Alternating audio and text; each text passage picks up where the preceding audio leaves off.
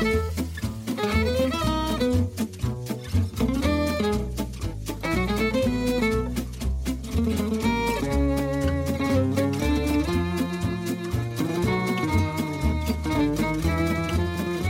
Hei og velkommen til en eh, ny episode av eh, Musett. Eh, og nei, det her er ikke Knut Andreas Lone som har forflytta seg enda litt lenger siden. Det er Simon Esla som er bak mikrofonen i programlederrollen, om vi får kalle det det. Og med oss har vi mannen som starta det første mytteri mot Knut, Theis Magelsen. God dag, god dag. God dag, eh, Simon. Vi har eh, Vet du hva, jeg vil snu på skyldrollen. Jeg vil skylde på Knut. Han svikter oss gang på gang. Så vi gjør det vi kan for å holde skipet flytende. Så da tenkte jeg at eh, det var ikke Simon sin tur til å stå ved roret denne gangen. Så jeg tipper det går fint, jeg. Ja, det, det går nok fint. Det er en del å snakke om i dag òg. Det, det skjer jo ting stadig vekk, og sesongen begynner å rulle og gå. Det alle snakker om nå, er vel det som skjer i, har skjedd i Argentina siste dagen, med hvor The König Quickstep har markert seg både positivt og negativt, Theis. Ja, vi kan vel begynne med det positive. Så skal vi si at vi kommer tilbake til det negative, eller? Litt senere i sendinga. Ja, kan godt gjøre det. Ja, eh, men eh, Jesus som de kjører, da. Eh, Julian Alaphilippe, han har vunnet to etapper. Vant den andre etappen eh, med et solobrudd mot slutten. Kjører fra Tish Benot og, og Nairo Quintana. En veldig sånn morsom bruddekonstellasjon, syns jeg, med de tre. uh, og så kommer feltet litt raskt på slutten, men han har jo kontroll. Og så er det tempoen som gikk i uh, natt til uh, onsdag, kan vi vel si, når vi spiller inn dette. Og da var det Alfie som vant. Men det er vel tredjeplassen som er den største overskriften, eller Simon? Eh, ja, jeg må vel kunne si det. Eh, Jeg gikk jo ganske høyt ut i forrige pod og mente at det, altså. han kom, kom til å havne på pallen i den tempoen. Nå gikk jeg jo enda mer offensivt ut på Twitter på, på mandag. Meldte han kom til å vinne, men eh, tredjeplass på Remco Evenepool på den tempoen der, det viser jo bare nok en gang hvor god den gutten er. Eh, det er vel ikke så mye mer å si enn det. Han eh, fikk jo litt Åpna jo helt ellevilt og leda jo med ti sekunder på absolutt alle i motvind ut til, vendepunktet. Eh, men så ble det jo litt eh, Litt eh, tøft på vei inn. Han kjørte seg nok litt i senk i motvind. Det er jo ja, ikke akkurat beste taktikken jeg, har hørt hele mitt liv, men kombinert med en veldig lang oppvarming hvor han òg var litt intens, har han sagt nå, så det ble litt for tøft på, på veien tilbake, men det sier jo veldig mye om hvor god den gutten er. Ja, det er helt, eh, det er helt rått. Eh, 19 år gammel for bare noen dager siden, vel. Så han er jo fortsatt tenåring, og ok, det tempofeltet i uh, Volta San Juan Det er ikke verdens beste, men det er mange veldig gode proffer han sykler mot, som er eh, veldig mye eldre enn han. Så, og så han, eh, får han en verdifull eh, lærepenge også. Han er vel vant til at han kan bare eh, kjøre så hardt han eh, orker, og så holder det som regel til seier. Det har i hvert fall gjort det så langt i hans karriere, mens nå må han kanskje lære seg å disponere rittene litt, eh, litt bedre. Men, eh, men du gikk knallhardt ut, Simon, og du var ti sekunder fra å Eller tolv sekunder, var det vel, fra å, å treffe på spådommen din, så han eh, Jeg syns han lever opp til forventningene, eh, selv om det ikke ble seier. Vi må vel kunne si at, at han leverer. Ja, han leverer strålende. Han har levert bra på de, på de eh, to første etappene òg, før tempoen. Eh, Så Altså, en- var kanskje Det en var litt sånn usikker på, var jo det hvordan han mestra feltkjøring i store felt på høyere nivå enn juniornivået, og, og bare se hvordan nivået hans var sånn generelt i bakker og i, i tempo. Eh, veldig bra på tempo. I, på den andre etappen så var han jo veldig langt framme i feltet, eh, opp den, eh, den bakken på slutten. Eh, så nå gleder jeg meg veldig til å se om han får noe som ligner på frie tøyler på den eh, fjelletappen som kommer om et eh, par dager. De kommer jo selvsagt til å kjøre for Ala Filip eh, i sammendraget, men om Remco òg får lov til å kjøre for et resultat. På en måte en veldig sånn trygg, et trygt sted for han å, å gjøre sin debut. Jeg syns nesten at den 15.-plassen på etappen eh, som var før tempoen, gjør meg nesten mer positiv til han enn tempo, for vi vet han er god på tempo. Men han viser på en måte der at han mestrer feltkjøringen litt mer også. Det var en hektisk finale med en kort bakke som var det, det var mye svinger i. Um, og så er det som du sier, blir veldig spennende på denne siste etappen, hvor, siste skikkelig fjelletappen. Så også veldig trygt for han med en Alaphilippe som sikkert kommer til å vinne sammenlagt. Og da er det på en måte ikke press på han. Alt han gjør, er egentlig en bonus. Så Men uh, jeg vet ikke, hva, hva, hva tror du han kan få til der? Tør du være like, like rå i meldinga? Det er jo Klatrefeltet er jo litt uh, bedre enn tempofeltet, det må vi si. Altså, her har du jo uh, først og fremst Nayo Quintana som drar det veldig opp. Uh, så jeg, jeg tror ikke han kommer til å vinne. Da ble jeg overraska. men at han er topp ti, ja, det tror jeg. Ja, det, det, er jo som du sier et veldig godt klatrefelt. Hvis, hvis, han følger Quintana opp der, da tør jeg nesten ikke tenke på hva han kan få til. Jeg, jeg begynner sånn å tenke sånn hva er Altså, hvis vi, hvis vi skrur klokka ti fram år i tid, uh, hva er bra nok? Hva, hva, hvordan skal han Palmares, han sine Palmares da se ut for at det er bra nok til hva vi forventer? Hva forventer vi at han kommer til å vinne? Og uten å bli skuffa? Uh, uten å bli skuffa Jeg tror han er skuffa hvis han ikke har vunnet en Grand Tour når han er 29. Da tror jeg han er ganske skuffa hvis han ikke har noen alvorlige skader eller sykdom som setter ham mye tilbake. Ja. Eh, så jeg forventer at han har vunnet et par av de Altså vunnet Tour de France, kanskje vunnet Girona Welton òg. Eh, I hvert fall Tour de France tror jeg han vunnet. For jeg tipper han kommer til å sikte seg kanskje mest inn der. Eh, og så vunnet en del av de Paris-Nice, eh, Dauphiné og de typer ritter. Ja, for da er han 29. Eh, da er han jo jevnaldrende med Tom de Molay nå. Eh, og han har jo litt sånn Jeg syns han har på en måte alle kvalitetene en moderne Grand Tour-rytter har. Da. Eller sånn som liksom de, de som uh, markerer seg nå, er jo primært sterke temporyttere. Som uh, klarer å på en måte beholde vatten sin også når de går litt ned i vekt og skal klatre.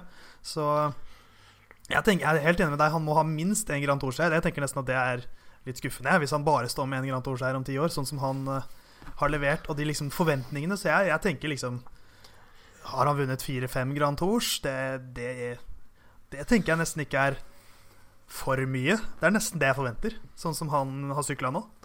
Ja, jeg er ganske enig. Eh, samtidig så har du jo en fyr som Egan Bernal òg, som jo ser fryktelig god ut. Så jeg tipper kan eh, komme en år mellom de. Tre år, kanskje, eller noe sånt. Ja, noe sånt. Eh, så det kan bli et Åh, det er en deilig duell, da. Deilig duell, ja. ja. Er det den nye, liksom det, neste, det neste, ny... neste Armstrong Ulrich, eller noe sånt? ja, det hadde vært eh, det, det, brygger jo opp til en flott duell mellom de to, da. Men uh, Jeg vet ikke helt. Uh, Bernal, det, Man glemmer jo altså at det, at det fins andre ryttere der, men uh, han, har alt som skal til. Så, men så, så, vet man jo heller ikke, da. Det kan hende at Altså, alle ryttere utvikler seg ulikt. Det kan hende at han ikke blir så mye bedre enn det han er nå. Man vet aldri. Han er jo utvilsomt ekstremt tidlig utviklet. Men hvis han klarer å ta flere steg, så Ja, uh, han er jo åpenbart uh, tidlig utvikla, men jeg ser ikke helt hvorfor det skal stoppe så mye heller. For han har jo først og fremst bare en ekstrem kapasitet. Han har vel en O2 som ikke ligner grisen. og så har han tydeligvis et uh, godt sykkelår òg, sånn relativt sett. Uh, så jeg vil jo tro at han bare tar steg og steg. Jeg klarer ikke helt å se for meg hva som skal stoppe han opp, utenom skader og større sykdomsavbrekk. Ja, og så er det også den med liksom, Han får ekstremt mye oppmerksomhet, men det virker som han takler det veldig godt, syns jeg. Kommer jo fra en idrettsfamilie og liksom virker å være godt forberedt da, på hva som forventes av ham i pressen, og liksom hvordan han skal takle hele den biten òg. Så jeg tror, ikke, jeg tror ikke det kommer til å knekke han. Så Nei, Bernal Rem eh, Remco Evnepol. Det er, eh, er bare å glede seg.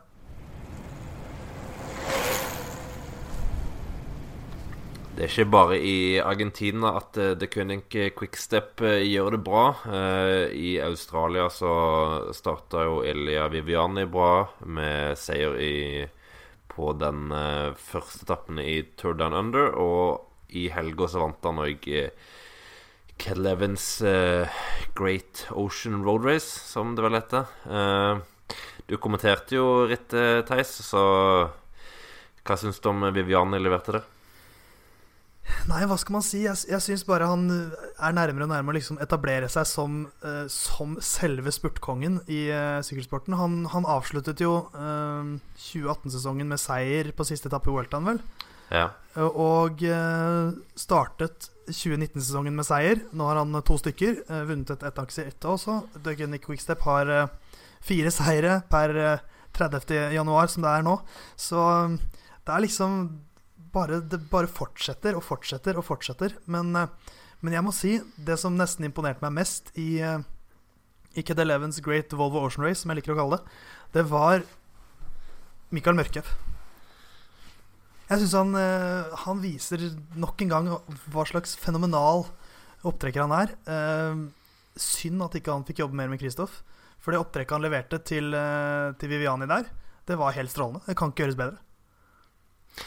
Nei, altså, jeg er veldig, veldig glad i Mørkhaug sjøl. Han eh, liksom, eh, Det er ikke en rytter du tenkte mye over når han var i, i Saxo Bank og Tinkoff og gjennom det systemet der. Eh, han hadde jo den der veldig overraskende etappeseieren sin i Vuelta i Spania for det må vel være en fire-fem år siden, men eh, litt sånn anonym rytter, gjorde ikke ingen enorme resultatene, men så har han bare reindyrka seg nå som en opptrekker det siste året og, og virkelig tatt steget opp som ja, topp tre i verden, i hvert fall, som i, det, i den siste opptrekkerrollen. Det, det må vi vel kunne si. Så har de Richese også. Eh, hvor vil du legge han på opptrekkslista? Han er, ikke, han er i toppen av nå.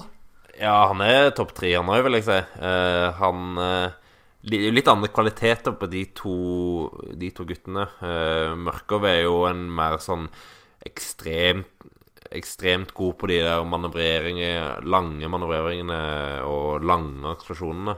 Mens Richese er mye mer eksplosiv og mye mer god til å finne plass der, der ingen andre finner plass. Eh, men definitivt topp tre, begge to. Jeg vet ikke om du har en eh, Hvem som skal inn som nummer eh, tre på topp tre-lista der. Altså, jeg, jeg er jo blitt veldig glad i Roger Kluge, men jeg har sett han mye på bane i det siste òg. Han har vært vanvittig sterk der. Eh, det er jo han Caleb Ewan har med seg til, eh, til Lotto Sodal, men han er kanskje ikke verdig topp tre. Eh, han mangler litt sånn posisjoneringsevne, syns jeg. Eh, Han ligner jo litt på Mørkov i mye av ferdigheten. Begge er jo gode på bane. Ja, ikke sant? Så de har jo mye av de samme kvalitetene der. Men jeg er litt enig i at han kanskje mangler det litt råeste. Mm. Jeg er ganske svak for Tim Råsen Han er ikke så Ikke så ofte han får gjøre selve siste opptrekkerjobben. Eller, han får jo gjort siste opptrekkerjobben, men han eh, må ofte slippe grønnveggen ganske tidlig fordi de har litt annet opptrekkssystem. Eh, Mark Renshaw kunne jo eh, Han hadde bra, bra samarbeid med Cavendish en del år, men han er ja, det helt det er fem år siden det, Theis. Ja, ja, ja, ikke sant? Men han var bra, han på sitt beste. Men jeg, jeg, jeg, jeg må jo si at jeg Min evige favoritt vil jo være Julian Dean. Ja, det er en legende av store legender. Norgesvennen Julian Dean, kunne du kalle han det? Han er en ekte norgesvenn. Jeg er litt spent på hvordan se hvordan eh, Kristoff kommer til å gjøre som opptrekker. Han kommer fort inn på den topp tre-lista hvis han eh, Hvis han eh, kjører noen ritt sammen med Gaviria der.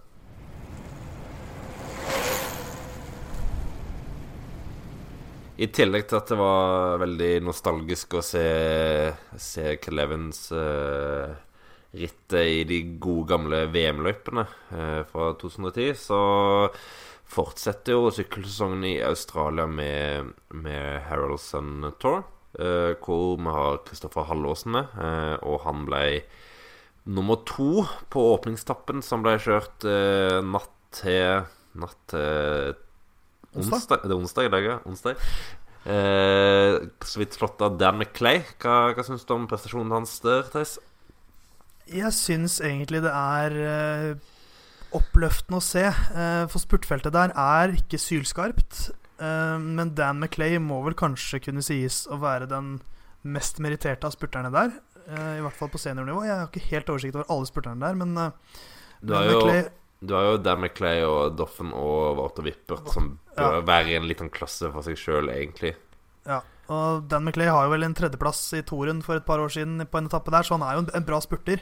Så Men jeg, jeg tror at Halvorsen kommer til å ta sin første proffseier i Harold Suntour.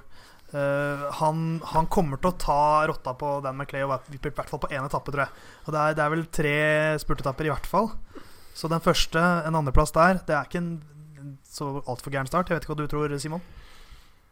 Eh, nei, det er på, på, ingen måte en dårlig start. Eh, det var vel litt eh, motvind på oppløpet, som han sa, som gjorde at eh, Sky, som kjørte et opptrekk, men de kom kanskje litt for tidlig fram. Eh, det var jo ganske tett, så det er jo de marginene som skiller der. Eh, men jeg har to spurtetapper igjen. Den tredje etappen og den femte etappen sannsynligvis spurt på den tredje etappen.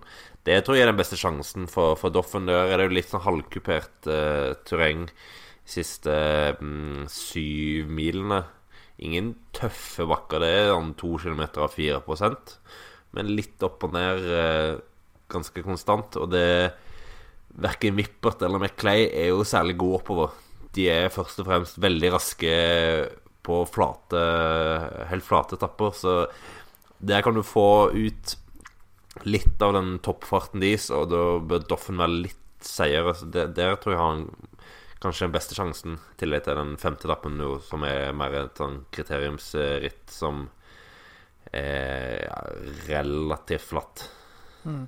Nei, men det sånn, Litt sånn uansett, selv om det ikke skulle bli en seier, så, så kommer han jo til å kjøre seg inn til uh, ja, I hvert fall hvis det ikke blir tre topp ti-plasseringer, eller topp fem-plasseringer, så blir jeg jo nesten skuffa. Og da, når man da begynner å liksom kjøre seg inn en del uh, topp ti-resultater, da har han uh, to fra, fra Tordan Under, kanskje to-tre fra, fra Hell Center, og da plutselig begynner han å, å, finne litt stabilitet igjen, og det er jo det vi har savna litt. I hvert fall jeg savna det. Da kanskje han kan uh, bygge videre på en litt sånn jevn formstigning. Ja, stabilitet er jo det viktigste for han å, å få nå, for det har jo, som du sier, vært et stort problem. Han har slitt mye med sykdom gjennom egentlig stor del av karrieren sin, og det har jo gjort at, at han ikke har vært så stabil, dessverre. Uh, men at, at, han nå kan få en, som du sier, en sesongstart med mange gode plasseringer, gjør at det er mye lettere å få støtte fra laget og bare få den sjøltilliten han trenger. Så jeg tror det er veldig en veldig fin sesongstart han har i Australia, med de rittene han har. Så krysser fingrene for at første proffseier kommer, og da tror jeg Team Sky setter pris på at de kan ha en, en eh, spurter som ikke trever, krever så altfor mye hjelp, ingen primadonna-nykker, men en som kan levere et tre-fire-fem seire kanskje i løpet av en sesong i litt mindre ritt. Det, det, ser pent ut på statistikken dem, på deres at, eh, at de tar noen ekstra seire. Så, så, blir det en bra kontrakt også i 2020 på, på Doffen.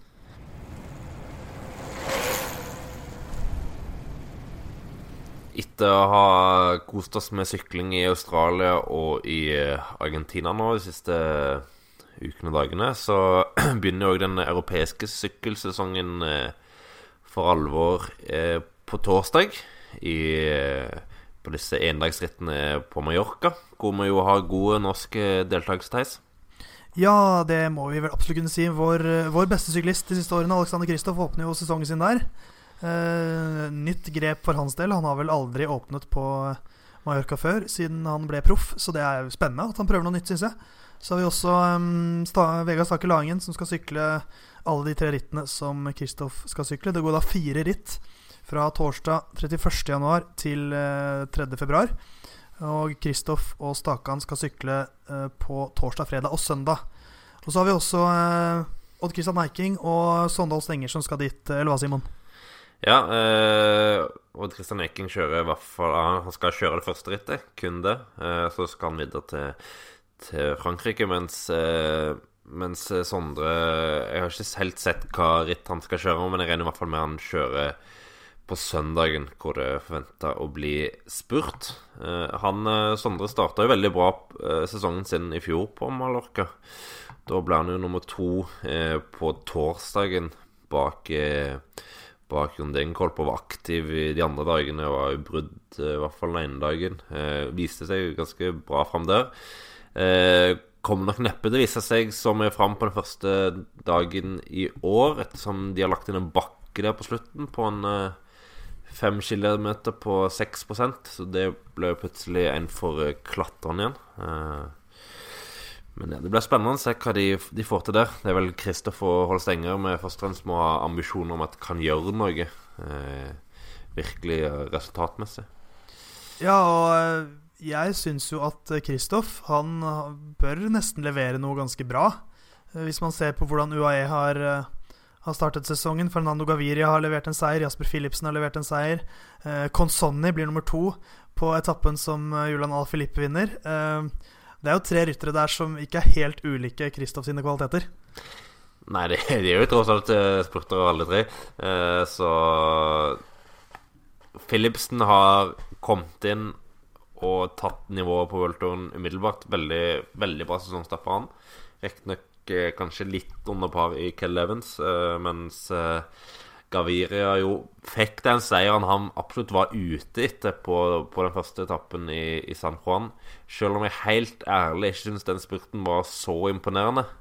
Eh, får jo egentlig ganske bra opptrekk, men sliter jo veldig med å komme seg forbi eh, med Sagaen som kjører opptrekk fra 400-500 meter. Det er først når det er kanskje 100 meter igjen han virkelig kommer forbi han, og hadde Bennett vært på hjulet til, til Sagaen og Baska, så jeg tror jo Graviria hadde blitt slått. Men eh, en seier er jo en seier. Eh, perfekt start for han. Og Consonni, som jo var ekstremt god på de siste 200 meterne på den etappen som Alaphilippe fant, i en tøffere variant. Så Kristoff må absolutt levere. Det er ingen tvil om det. Men, eh, men tror du det, det, kommer til å bli en flying start for Kristoff også? Det er jo, jeg, jeg, jeg må si jeg syns det er på en måte et godt tegn at han, at han velger noe nytt. Uh, at det blir en annen sesongstart. Det, de, de, gjør jo ting litt annerledes nå. Så får vi en Kristoff seier. Kan han gjøre som Degenkolb gjorde på Mallorca i fjor? Uh, det er jo ganske greit spurtfelt som er, er meldt, da. Uh, det er ikke mange lag som har Mange av lagene kommer jo med store Holdt på å si store rytterstaller, og så er det er det jo ikke alle som sykler alle ritter, selvfølgelig. Eh, men blant de som skal til Mallorca, i hvert fall, så har du jo ryttere som Kittel og Degolb og eh, Du har eh, Greipel, du har Ackermann Sondre kommer jo. Eh, så det er jo ganske sterk konkurranse. Eh, så Kristoff skal gjøre en veldig god spurt om han skal klare å vinne i det feltet, i hvert fall. Eh, så jeg er ikke overbevist om at han kommer til å gjøre det. Men jeg tror nok han er veldig gira på, på å kunne gjøre det, for han må absolutt levere noe når de andre lagkameratene hans leverer som de gjør. Ja, så Vi får se hvordan, uh, hvordan, det der blir. Han skal jo videre til Valenciana etter det, vel. Uh, så han, han, får jo noen muligheter her til å skaffe seg en tidlig seier. Jeg tror det er uh, ganske viktig. Altså, jeg, jeg, tror vel kanskje at hans posisjon foran Consonni og Philipsen, den skjer det ikke så mye med, bare fordi de har tatt, levert ganske bra åpningen. Og Gaviria vet vi på en måte hvordan hierarkier funker på, så at Philipsen har vunnet, og at Consonni nesten har vunnet, tror, tror, jeg egentlig ikke har så mye å si. Men uh, Men er, jeg, jeg, klarer fortsatt ikke å si at han ikke har litt mer press på seg nå enn hvis de ikke hadde gjort det så bra. Nei, selvfølgelig har han litt press på seg. Eh, men jeg, jeg, håper at han klarer å gjøre noe positivt med det presset. At han, at han kommer til Mallorca er skjerpa og tent på å vise at han fremdeles skal være en av i hvert fall lagets to hovedspurtere. Så det regner jeg med, han, eh, jeg regner med at han er innstilt på. Apropos, apropos spurtere. Uh, Israel Cycling Academy har ikke sett laget deres til Mallorca, men jeg regner med at de har med i hvert fall minst én annen potensiell spurter enn Sondre Stenger. De har jo de har vel en større stall enn alle World Tour-lagene enn, enn noe annet World Tour-lag. Så de, de, har vel 30 ryttere. Det er ingen World Tour-lag som har så mange. Så um, Får Sondre spurte? er det gitt? Eh, nå er jo nå er det laget òg spredd over uh, flere ritt, så sannsynligvis så får han faktisk det. Uh, de har med De har med Boyvær, uh, som er relativt greit i, grei i spurten, men Sondre bør være ganske klar som spurter av det laget de har meldt på til Mallorca, faktisk. Det er godt å se. De, jeg vil jo nesten si at sånn av de spurterne de har Toppnivået til Sondal Stenger er bedre enn toppnivået til ganske mange, eller nesten alle, de andre spurterne. Ja På, på hans aller beste. Sånn Tour de France tredjeplass i Bern-type beste. Ja, ja. Eh, den er nok høyere enn nivået til Minali og Sparagli, for eksempel. Sparagli og Van Asbrook. Eh, Chimolai i, I spurter som er veldig fine for Chimolai, så er kanskje Chimolai vel så høyt toppnivå. Eh, men sånn på flatspurter så er nok Sondre bedre toppnivå. Og Barbier eh, Tja Han har aldri, aldri blitt slått i bakken av noe han har levert. Ikke at Sondre har levert så fryktelig mange seire, han heller, akkurat, men eh, bør være, det bør være godt mulig for Sondre å, å tilrive seg den plassen som eh, hovedspurter i det laget, hvis han bare klarer å få komme i gang og levere en god resultater.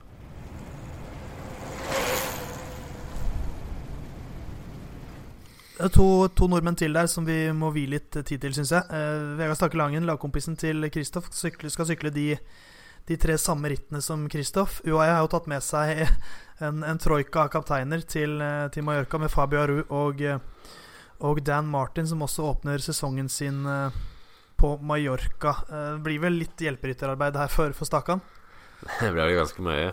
Eh, Kristoff kom jo uten noen særlige opptrekkere. Eh, så de kommer sikkert til å jobbe mye sånn underveis i rittet. Eh, og på de harde rittene så regner jeg med at Stake sitter, sitter med ganske greit ganske lenge, så da må han jo jobbe for Martin og Aru. Så veldig anvendelig rytter, så han er jo perfekt for en sånn type langhelg som det her. Ekte norske potet kan brukes til alt. Eh, Hva med, hva med Eikinga? Han, eh, han åpner jo sesongen sin på, eh, på Mallorca. Han åpnet jo med et smell i fjorårssesongen. Riktignok da et annet sted, men eh, du, kan, du tror ikke vi kan forvente noe, noe lignende? At han kan overraske litt? Altså, det er jo ikke en avslutning som er spesielt dårlig for, eh, for Eiking, med altså fem kilometer på 6% Det er jo rundt der Eiking ville kanskje hatt eh, kanskje to kilometer av eh, 9 men eh, en relativt fin bakke for han. Eh, men de kjører jo sammen med han uh, eh, Guillaume så jeg regner jo med at han eh, er lagets hovedprioritet. Det spørs jo veldig på form da selvfølgelig i starten av sesongen. Der er det, der er det litt variasjon. Eh, men eh, får han frie tøyler, så kan han absolutt kjøre inn sånn topp 15, topp 10 på en veldig god dag. Resultat, men det er jo veldig sterk konkurranse òg, da. Så litt sånt eh, Litt jokerkort på Eiking. Kan, eh, kan eh, være veldig bra. Kan være anonym hjelperytter. Så fortsetter sesongen hans ikke på Mallorca, men i samme ritt som han startet i fjor, GP La Marseilles. Marseilles er det kanskje man sier på fransk. Der ble han jo nummer to i fjor, i sesongdebuten. Og han skal tilbake dit på søndag. Ja, han ble kun slått av Alexander Alexandre Genies i spurten da, og det er jo et ritt han må ha gode minner fra, selv om det jo sikkert var bittert at han akkurat ikke vant, da. Men uh, uh, der òg uh, er det absolutt mulig for han å få til noe bra om han har en god dag, og det får vi håpe at han har. Eh, det er fint å se Christian levere noe fra start og slippe litt av det presset som har vært på han de siste sesongene med at han skal få innpass i de største rittene. Eh, For så lenge han eh, viser seg fram, så får han, eh, får han jo bare mer og mer sjanser, egne sjanser. For han, det uten tvil at toppnivået hans er jo veldig, veldig bra. Så gjelder det bare å ha Det er jo litt sånn som med Sondre, det gjelder bare å ha det stabilt. Nå er jo uh, Eiking hakket mer stabil enn eh, Hakket mer stabil enn Sondre, stort sett. Men eh, han òg har jo sine sykdomsavbrekk og sånt som eh, har vært skapt litt problemer. Men eh, en god sesongstart er alltid viktig, så vi håper på det. Det er et bra startfelt på, på Mallorca, men i, i Frankrike er det ikke like skarpt, så jeg, jeg satser på at de får, får, får, får Eiking inn på topp ti der, i hvert fall. Så, så får han et tidlig bra resultat, og så kan han bygge videre på det.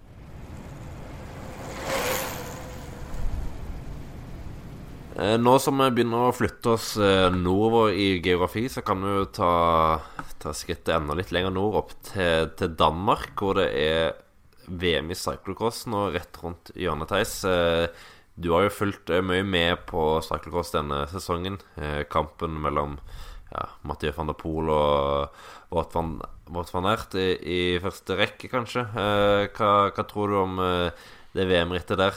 Er det van der Poel som eh, må velte og skamslå seg for å tape, eller har van Aert en sjanse? Jeg vil jo si at det er i år som det var i fjor. Eh, Det er Matthew van der Poel sitt race to lose. Og han tapte det jo i fjor, og han tapte det året før der igjen, og året før der igjen. Så eh, 2015 var, eh, er jo foreløpig hans eneste VM-seier, eh, van der Poel. Og at van Aert har vunnet tre år på rad, og det var jo avslutning av eh, verdenscupen i cyclocross nå eh, helgen som var, i, i Hogerheide. Og eh, det så til å begynne med ut som han skulle ta det ganske greit. Så plutselig var Thun Arts og, og Wat van Aert eh, like bak han, og han var til og med passert en kort periode, men selvfølgelig.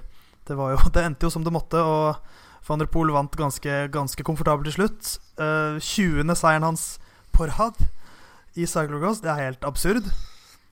Eh, men Tone Ertz syns jeg nesten seiler opp som den argeste konkurrenten. Han, han slo jo uh, Watt van Ertz i, i Hogereide. Og eh, vant med det verdenscupen også. I og med at Van der Poel har stått over en del ritt, så, så er det jo han som har vunnet klart flest. Men, uh, men Thon Ertz uh, så veldig bra ut. Vinner verdenscupen. Men uh, Nei, det, det, det er jo van der Poel som er den store favoritten. Og så må man nesten si at Watt van Aert er nummer to, for han har en, en formkurve som peker oppover, syns jeg. Men To Ertz er, eh, er nok en eh, minst like sterk kandidat, syns jeg, som van Aert. Så eh, Ja, jeg, jeg vil jo sette pengene mine på van der Poel. Jeg, jeg, jeg, vil jo tro han bryter forbannelsen nå. Ja, du nevnte jo så vidt der hvordan formkuren de har vært. For van Ert kommer jo fra, fra en ganske Hva sier, En høstsesong med mye utenomsportslig fokus, med, med lag som uh, slo seg sammen og ikke slo seg sammen, og kontrakter som eh, ja, endte jo opp i, jumbovisma til slutt, men det var mye fokus der. Sikkert mye energi som, eh, som gikk den veien der. Eh, mens van der Poel jo tydeligvis eh, virker som han har vært i strålende form gjennom hele crossesongen. Eh, men ser du at eh, de begynner å komme litt eh, nærmere nå, eller er van der Poel fremdeles et hakk høyere opp enn eh, van Ert? Altså, seieren til, til van der Poel i Hogereide er den, en av de minst suverene van der Poel-seierne jeg har sett i, i år. I denne sesongen Men, men han vant jo fortsatt, og hadde, hadde jo en, en luke da han kom i mål. Men så er det også det at han, han hadde Det var en stund siden forrige ritt. Det var vel to, to og en halv uke eller noe sånt, tre uker, der han hadde hatt en litt eh, En treningsperiode. Um, at han kanskje følte seg litt tung etter det, og prøver å prikke formen inn mot, eh, mot VM. For, for det er klart, jeg tror det gnager litt på han. Han, eh, han har vunnet ekstremt mye. Han har vært den dominante figuren i cyclocross-scenen de siste sesongene. Men VM-tittelen glipper hvert eneste år til, til van Ert, så så Nei, men jeg tror Jeg, må, jeg må, kan jo ikke si noe annet enn at jeg tror seiersrekka til van Ert stopper på tre. Uh, I hvert fall for denne gang. Selv om det nå har roet seg rundt han og han kan kun fokusere på idretten, så tror jeg at uh, At eh, van der Poel skal stikke av med VM-stripene. Så får vi se om uh, Ton Ertz kan, kan bli en overraskelsesmann. Det hadde vært gøy hvis han hadde stukket av med det, sånn ut av det blå, men van der Poel tar det. Hvordan skråsikker er du? Jeg er eh, mer sikker på det enn de fleste spådommene jeg har kommet med. Så jeg, jeg, jeg- vil si 89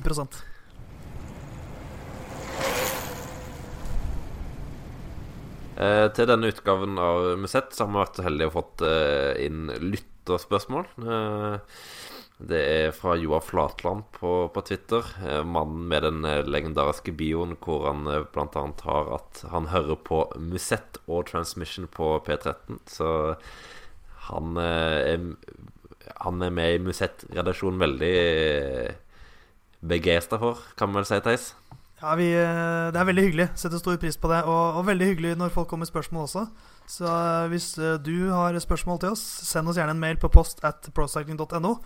Eller finn oss på Twitter og tagg oss der. Du er sikkert teknisk kompetent, så det går sikkert fint. Ja, enten meg eller Theis eller Knut eller selve Musett-podkasten har jo en Twitter-konto der. men han spør da altså om vi får se Dimension Data bruke samme taktikk i Amsel Gold og Liège Baston Liège som Quickstep er så kjent for i de flamske klassikerne, og vil Edvald være en av de? Altså bruke overtallet sitt til å spille ut mann etter mann. Hva tror du, Theis? For å svare på det siste først, da med Edvald, så må jeg vel si et nei der. Eh, kanskje hvis han, eh, hvis han sykler Amstel Gold Race. Det har jo skjedd noen ganger at han eh, at han har, har, prøvd seg der. Men uh, jeg tviler vel på om Edvald er sterk nok til å henge med i, i denne klassikerne. Men de har jo Kreuziger, Gasparotto og Mikael Valgren nå. Og så kan vi også nevne kanskje Tom Hjelte Slakter, som ikke er, så, ikke er så verst i de rittene der. Så Quickstep sin, sin taktikk har ofte vært at de sender menn i angrep helt til en eller annen Altså kast mot veggen helt til noe fester seg, som man sier på godt norsk. Så eh, jeg kan godt se for meg at Gasparotto og, og Kreuziger og Valgren sitter i en, en redusert gruppe og en og angriper én etter én. Så er det ikke så mange som har, har så mange ryttere på det nivået der. Så, um, så det er vel ikke helt utenkelig, Simon? Nei, jeg er på ingen måte enig med deg at Edvald nok neppe er en av de, for hans I hvert fall sesongplanen hans foreløpig er uten uten opptreden i verken Amstel eller Liège. Eh, men ja, absolutt. Mange sterke ryttere. Og det, det, var jo den taktikken òg Astana brukte, brukte, i fjor når Valgren vant. Eh, da hadde jo Valgren og Fuglesang som sammen skapte litt eh, dansk dynamitt, for å bruke en klisjé. og de angrep jo begge et par ganger, og til slutt var det Valgren som eh, snek seg unna. Eh, og at vi kan få se noe sånt igjen når du har, som du sier, Valgren, Krausiger, Gaspotto, Slakter og kan de òg kjøre med Gibbons eller noe sånt. Han har imponert Todd Under og er jo godt kort eh, MC Gold Race for en eventuell spurt. Så de har mye å spille på, og spesielt i MC Gold Race tror jeg de kan eh, gjøre det skarpt med en sånn taktikk.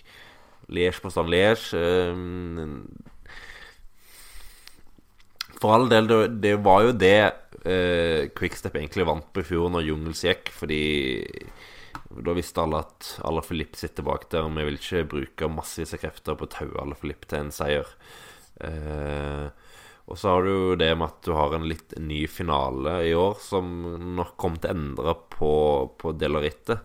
Men jeg er usikker på om type Valgren og Gasparotto er gode nok. Valgren har slitt en del i, i Liège. Han har aldri vært veldig god der, selv om han vant U23-rittet to ganger.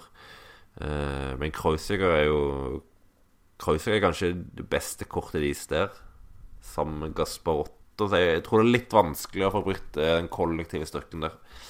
Men absolutt en mulighet. Altså, uansett, det er spennende at, at uh, Dimension Data, som har vært ganske tannløse de siste sesongene, syns jeg. Mark Cavendish har vært eh, litt veik. Eh, Edvald har ikke vunnet så veldig mye. Så har de plutselig tre seierskandidater i, eh, i arenaklassikerne. Så det, det, er jo nye faktorer i de rittene, i hvert fall. Så det blir spennende å se. Plutselig står de igjen med en monumentseier. Det tror jeg de har savnet. Ja, absolutt. Ja, det er jo en del av taktikken bare å få, å få rutter som sikrer de poeng, for de må jo ha poeng for å overleve i, i worldturen. Så da kan det jo være at de òg har lyst til å gjøre et bra resultat i Milano San Remo, som eh, Joar òg har spurt om. Der eh, spør han om, eh, med bakgrunn i Nibalis seier i fjor, om det er mulighet for at f.eks. Simon Yates kunne vunnet med et tidlig rykk på Podshow. Tror du en rytter som Yates, eller andre ryttere som ligner på Yates, for den saks skyld, eh, kunne klart det? Altså, Yates er jo egentlig ganske eksplosiv. Det, jeg husker spesielt en etappe i Giro d'Italia eh, der det var en kort bakke til slutten hvor han angrep helt i starten. Eh, og han og Tom Dumoulin hadde et sånt drag race opp med nøyaktig samme avstand mellom dem de siste, siste kilometerne. Det var helt fantastisk finale, så han er jo eksplosiv.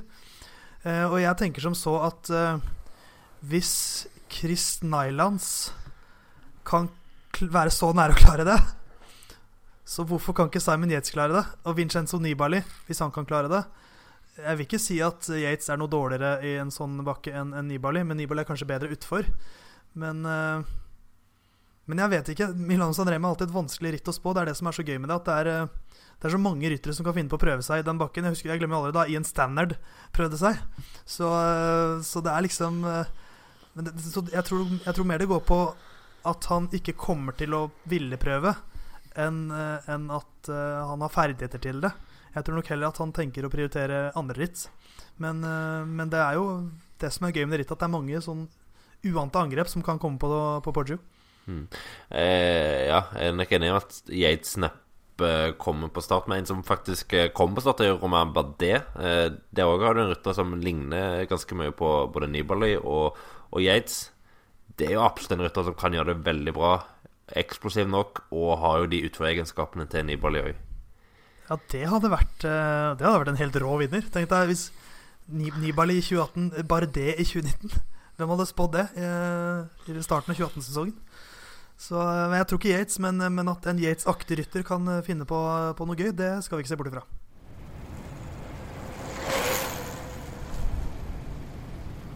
Som, som sist gang så, så, runder vi av med, med spalten med ukens Lantern Rouge og ukens røde startnummer. Uh, Theis, du har fått æren av å ta uh, ukens uh, Lantern Rouge. Eh, hva har du funnet fram der til oss? Nei, altså Da vi planla denne, denne Musett-episoden for tro det eller ei, vi planlegger litt hva vi skal prate om, så tror jeg ikke noen av oss var i tvil over hvem som skulle få ukens Lantern Rouge. Um, for kjære Iljo Kajse.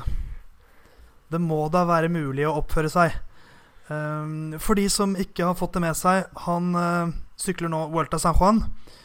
Og uh, har blitt kastet ut av rittet for noe han gjorde uh, utenfor rittet. um, var, han var på en sykkeltur sammen med sine lagkompiser i The Cunning Quickstep og var innom en lokal kafé. Og eh, en av eh, servitørene der eh, hadde lyst til å ta et bilde sammen med sykkelstjernene. Og det kan man jo forstå. Um, og når man ser på dette bildet, så er det fire gutter som står og gliser litt. Sånn type gutta kødder-glis.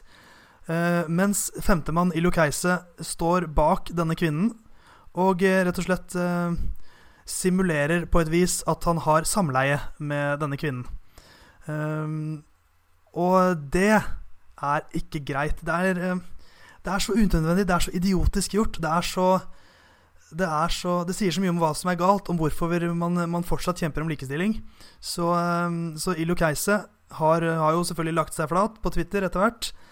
Men eh, så får vi tro at han mener det, og at han skjønner at han har gjort noe, noe galt. Og så får vi rett og slett bare si at det var en idiotisk ting å gjøre. Og eh, at det er derfor han får ukens landtegn Rouge fra oss, eller hva, Simon? Ja, det, det var vel ikke mye tvil om det. Uh, det Det er så hjernedødt. Det er så ja, hjernedødt. Ja. Hvorfor skal man gjøre noe sånt? Det er så idiotisk gjort. Ja, for det var sånn, sånn som vi så kort diskuterte innad. Altså det er ikke det sjukeste overtrampet jeg har sett. Altså, for eksempel, eh, jeg syns jo den Lars Berger sin mot Ingrid Stenvold er verre.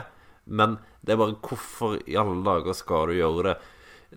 I hvert fall på et bilde. Hadde du bare gjort det sånn eh, uten at noen tok bilder av det. Men her, vet her er et oppstilt bilde som ble tatt til hun så, altså, Selvfølgelig kommer hun til å se det her hvis du gjør det sånn i det skjulte. Sånn, ja, ok, ingen fikk det med seg da er det bare litt sånn guttestreker som eh, alle kommer til å skape mye. Men når du gjør det her, og vet så godt at hun kommer til å se det her etterpå eh, Kjæresten var vel, har jeg vel lest òg, var, var vitne her og så det. Altså, det er bare veldig merkelig oppførsel for en 36 år gammel mann som skal ja. fungere som rollemodell for romkamerat Remco Evenepool i det, i det rittet her. Ja, for Det er jo det som er liksom det alvorlige her, er jo hvilke signaler det sender. Eh, som du sier, han bor på rom med, med læregutten. Han skulle være hans eh, liksom, forbilde. Eh, tenk på alle, alle, barna som ser opp til proffsyklistene, som ser måten han behandler kvinner på. Det er liksom noe Det er jo et, et dyptpløyende problem, det her. Så eh, Nei, det er eh, det er fullstendig hodemist. Og eh, han er kastet ut av rittet, for det er et uh, UCI-reglement som sier at hvis du oppfører deg som en dust uh, mens du er tilknyttet et ritt, så kan de kaste deg ut. Uh, og det må jeg vel si at han fortjener. Men hans, hans, sjef, Patrick Lefebvre, han mener dette er storm i et vannglass, Simon. Ja, han har jo Først i går kveld, så så, så etter seertallet for Lipp, så sa han jo at, uh, at han ikke var At han ikke var fornøyd med situasjonen og alt oppstyret, men at uh, etter unnskyldninga så ville han bare se framover. Uh, men så ble han kasta ut i ja, de seneste nattetimer i, i Norge, i hvert fall. det var vel rundt fire-tida den kom. Uh, ble offentliggjort eh, så på kvelden i Argentina. Eh, og da har jo Lefebvre blitt sitert på i belgiske medier om at eh, Han syns det hele at det er et sirkus, og at Og at han vurderer å trekke hele laget sitt ut av rittet. Og da Riktignok så tror jeg The König Quickstep er et veldig, veldig mannsdominert miljø. Jeg tror det er veldig høy sånn høy guttefaktor der, for det er sånn. Eh, men du, du, må se, i hvert fall i dagens samfunn, hvor, hvor, sånne ting blir i større og større grad slått ned på. At det her er ikke en ting du gjør, og så sier du unnskyld, og så er det ingen som kommer til å bry seg. Selvfølgelig kommer folk til å bry seg, eh, og det ja, Det er merkelig reaksjon av Lefebvre, syns jeg. Ja, det er jo å kalle det et sirkus. Det er et sirkus dere har skapt selv, eh, som dere fortjener. Så og det er jo, det er jo en, litt, en, litt, gammeldags sport, sykkelsporten, på mange måter. Eh, der man fremdeles har podiedamer, som jo er en diskusjon i seg selv. Så Nei, det er, eh, det er et kvinnesyn hos Ilo Keiser som eh, jeg håper han skjønner at er litt gammeldags, litt steinaldersk. Så eh, Ilo Keise, eh, det er bare å skjerpe seg. Men eh, nå skal vi videre til noe litt lystere, kanskje, Simon. Håper jeg. Ja, nå skal vi få en liten gjesteopptreden fra, fra, Knut, som skal ta ukens eh, røde startnummer.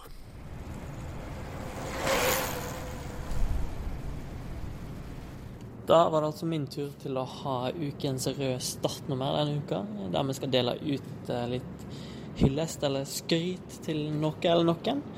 Eh, kanskje andre òg som fortjener skryt eh, denne uka, bl.a. Remco Evenepool, som har en formidabel start på proffkarrieren sin. Men uh, har nok mer flott i vente for han, så kommer nok flere anledninger for å hylle godeste Remco. Eh, gått for en mer patriotisk tilnærming denne uka. Eh, følger mye, mye press med som eh, U23-verdensmester når du tar steget ut i proffrekene. Masse forventninger. Eh, Sven Erik Bystrøm har kanskje ikke ja, med tanke på at han er 23-verdensmester, blitt den syklisten mange så for seg han skulle bli. Men han, fortsatt, han, er fortsatt ung, har mange år foran seg, og det er fortsatt muligheter til å, til å eh, gjøre noe stort. Eh, han har slitt en del med skader og uhell gjennom proffkarrieren sin, og, og, hatt det litt, litt tøft iblant. og ikke fått den eh, forløsningen vi har venta på. I år så er han på, på utgående kontrakt. Eh, som vi har snakka om tidligere, så skjedde en del i hierarkiet i UAE. Gaviri har kommet inn. Bystrøm har jo vært under vinger til Kristoff hele proffkarrieren sin og fulgt han. Eh, nå er han kanskje ikke i like stor grad under den vinga, og Kristoff er avhengig av å levere for å fortsette å ha sånne type fordeler at han kan velge ta med seg ryttere som Bystrøm videre. Og på utgående kontrakt så er det da viktig å, å sanke litt resultat der og, og, gjøre det bra, sånn at han kan sikre en god kontrakt eh, videre og sikre seg muligheter videre. Eh, og nå har han sykla Tour Down Under og Kell Evans Great Ocean Road Race. Eh, og i sistnevnte så var han veldig lovende. Han satt kjempegodt med over den eh, siste siste bakken, eller siste ja, som kategoriserte bakken, Chalambra Crescent. Eh, satt vi godt foran der, og hans lagkamerat Diego Ulyssi klinka til i front. Eh, og Bystrøm fulgte med inn til mål og ble nummer 18. Eh, men eh, snakka med han etterpå, da, så fortalte han at han følte seg veldig bra. Og eh, han så veldig bra ut òg. Eh, og han hadde lyst til å prøve seg, men han fikk ikke lov av laget. Eh, som ja, gikk for spurt, eller hva de gjorde mot slutten der. Eh, Ulysses ble nummer 13, da. Så ikke noe spesielt resultat for dem. Eh, uansett, uh, Bystrøm var irritert over at han fikk, ikke fikk sjansen. han hadde veldig lyst til å få den sjansen. Han får, får nødvendigvis ikke så mange sjanser. Jeg syns han virker, virker, veldig sulten. Og sånn har virka i tidligere intervjuer. Procycling.no har gjort man denne vinteren òg. At han, han, føler at han nærmer seg noe i klassikerne. Han har lyst til å ta steget. Han har lyst til å, å, å ja, skape resultater. Eh, og det vi så av han i Kelevens eh, Great Ocean Road Race, og uttalelsene etterpå, tyder på at han er, er sulten. Så jeg, jeg gled, kjenner jeg gleder meg til å se Svein Erik Bystrøm denne sesongen. Han er en veldig elegant uh, rytter forma i vest i, i Sparebanken Vest og Østerhus Ridderlig eh, Team Coop-systemet. Eh, veldig god taktisk eh, teft og generelt en bunnsolid rytter eh, som, som, absolutt er, har potensial til å ta et stort steg og bli en, eh, en klasserytter. Så jeg gleder meg veldig til å følge Svein Erik Bustrøm denne sesongen. Se hva han kan få til, og se om han klarer å få avkastning på den sulten sin. og og få noen resultater. Eh, så ukens røde startnummer går til Sven Erik Bystrøm. Ja, kloke ord fra, fra vår uh, kaptein. For vi må kunne kalle Knut vår kaptein. Vår ledestjerne. Uh, Sven Erik Bystrøm uh, hadde jeg jo høye forventninger til da han, etter at han vant U23-VM, selvfølgelig. Så, og jeg må si det han setter fingeren på her, Knut, det med den, den sulten, den må jeg si at jeg er helt enig i. Jeg syns det virker som om han har på en måte det har våknet en, en litt sånn annen, et annet karaktertrekk i, i Svein Erik som, som jo lover godt. Og jeg, jeg, må si at jeg, det var jo min oppgave å velge ukens uh, Lantern Rouge. Og før dette Keiser-greiene så satt jeg og tenkte kanskje jeg skal gi den til sportsdirektørene til UAE. Uh, jeg visste ikke at Knut hadde tenkt å gi den til Svein Erik Bystrøm heller, Fordi han fikk jo ikke lov til å gå. Tenk hvis han hadde fått lov til å prøve seg i, Ikke-det-levens-rittet. Ja, det, det er et ritt som passer han bra. Han har vel gjort det bra der for to år siden òg, tror jeg. Så jeg syns det er veldig fint at Svein Erik viser at han, at han har gode kvaliteter fremdeles. og de, den type ritt er jo veldig gode for han, hvor du sliter av de beste spurterne. Og er det ganske rett, som, som, du sier, det at han har nok kanskje Han har kanskje vært litt for komfortabelt å bare følge, bare følge Alex og på nærmest kopiere hans, eh, hans uh, sesongprogram.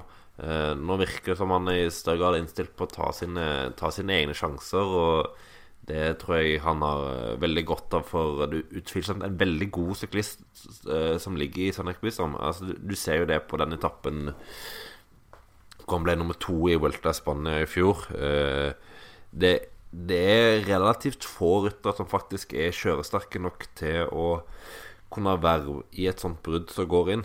Eh, så at han er, han er en god proff, eh, men han er avhengig av å, å virkelig gripe de sjansene når han får han, og det virker som han er veldig innstilt på det i år, så jeg gleder meg til å se han videre.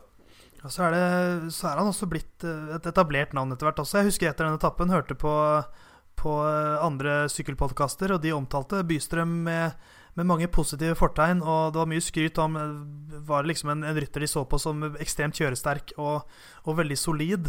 Så, så, han er utvilsomt en, en, rytter og en mann med enormt potensial. Så jeg håper at han uh, får sin første proffseier i år. Det, det hadde jeg virkelig unnet han.